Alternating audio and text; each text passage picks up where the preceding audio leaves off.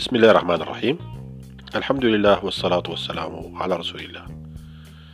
نتحدث في هذا الجزء اليوم عن واحد من أهم عناصر دراسة الجدوى الاقتصادية للمشروعات ألا وهو الجدوى البيئية للمشروعات ونختم به أقسام دراسة الجدوى التي تحدثنا عنها في اللقاءات السابقة حيث كنا قد تحدثنا عن الجدوى الاقتصادية والجدوى التسويقية والجدوى الفنية وكذلك الجدوى المالية والجدوى الاجتماعية.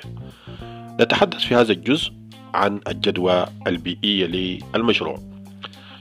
ويتضح من خلال عنوان هذا القسم أن هذا القسم متخصص في المعلومات والبيانات التي تخص البيئة.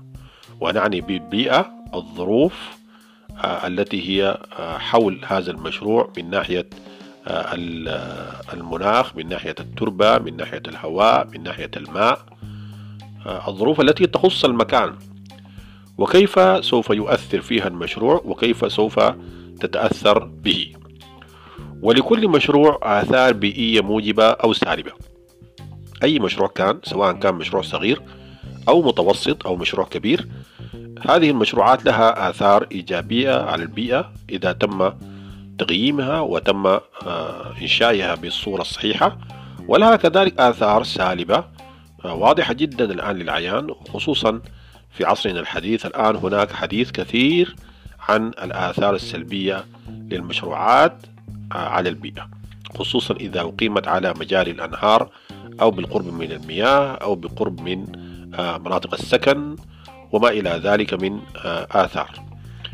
ولذا فإن تقييم الآثار البيئية للمشروع يساعد جدا في تقييم آه، التوصيات آه، بخطوات لمنع أو تقليل الأضرار البيئية الناتجة عن أي مشروع وزيادة المنافع البيئية بالتأكيد الإيجابية لهذا المشروع.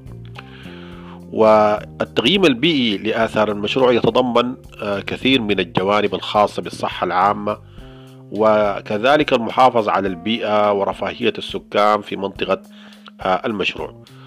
وهناك كثير من المشروعات الآن في بلادنا في السودان وفي عدة دول آه، فشلت بسبب آه، دراسة الجدوى البيئية. بمعنى أنها لم تقدم ما يشفع لها بأن هذا المشروع سوف يخدم البيئة أو يحافظ على البيئة أو لا تكون له آثار سلبية على البيئة. وأعرف كثير من المحال التجارية التي فتحت في أندرمان أو في الخرطوم أو في مدينة بحري وهي مشروعات ناجحة من ناحية تقديم المنتجات أو الخدمات لكن آه، لها آثار سلبية كثيرة على البيئة مثل عدم القدرة على التخلص من النفايات السائلة أو الصلبة أو أو النفايات الغازية أو البخارية لهذه آه، المشروعات أو الدخان وما إلى ذلك. وبالتالي أصبح هذا المشروع خصما على المنطقة التي هو فيها. وأصبحت هناك شكوى من السكان أو من المارة أو غيرهم من, من الأشخاص الذين يمرون بمنطقة المشروع. وأصبحت هذه الشكاوى تصل إلى إلى السلطات المختصة. وبعد ذلك يتم الذهاب إلى القانون وإلى المحاكم ومشكلات كبيرة جدا. آه، بل أن مشروعات مثل مشروعات المخابز مثلا ومشروعات محلات الحلويات الآن ربما تغلق بسبب ضعف الجدوى آه، البيئية.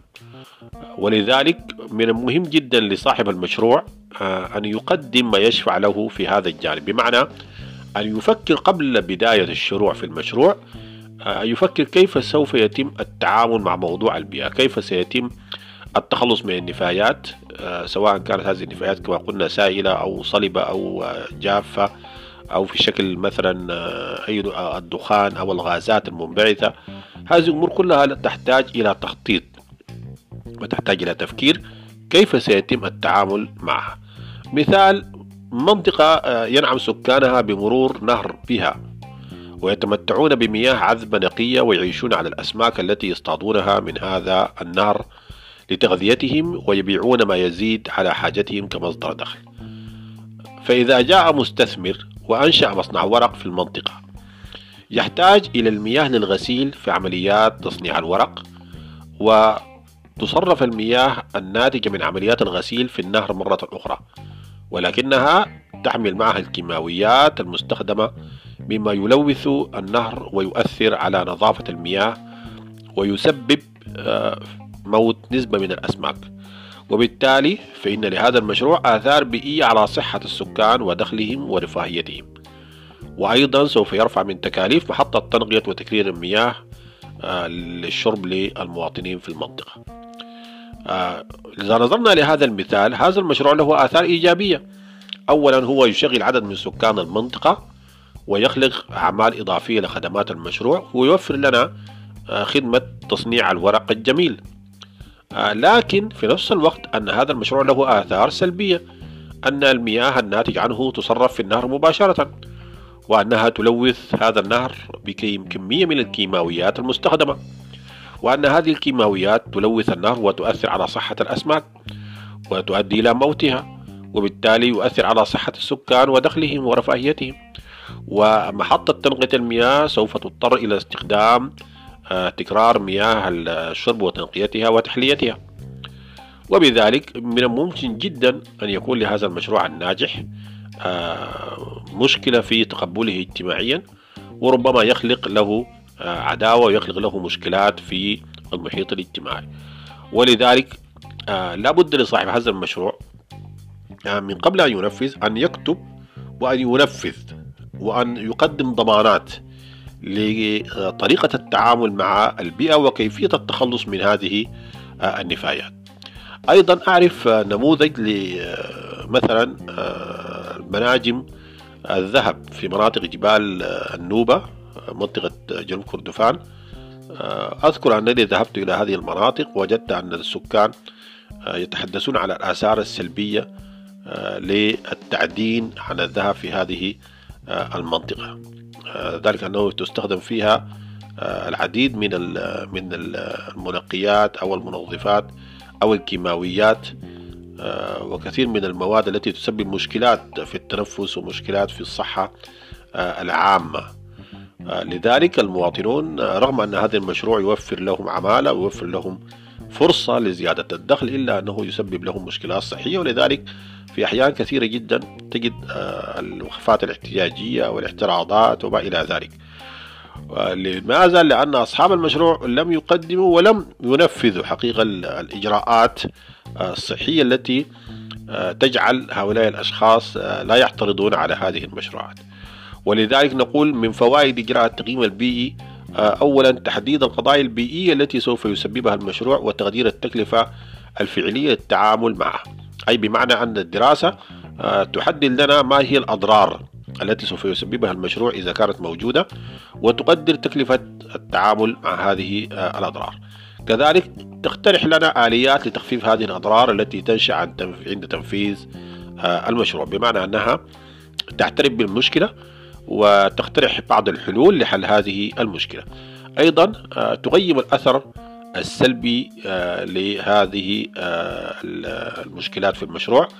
وربما أيضا تقترح مواقع بديلة في حالة ارتفاع الأثر البيئي للحفاظ على البيئة. بمعنى أنها تكون إيجابية في التعامل مع المشكلة ومع الموضوع وبالتالي يكون هناك الخطة لنقل المشروع لمكان آخر. آه، أو تعويض السكان أو أي إجراءات تمنع آه، تضرر السكان أو تضرر الأشخاص الذين هم حول المشروع. ولذلك نقول لك يا صاحب المشروع آه، لابد أن تكون واضحا في هذه المسألة لأنه, لأنه من من الشيء المؤسف أن يكون المشروع ناجح والتخطيط المالي والتخطيط الاقتصادي والجدوى الفنية والتسويقية كلها آه، ممتازة.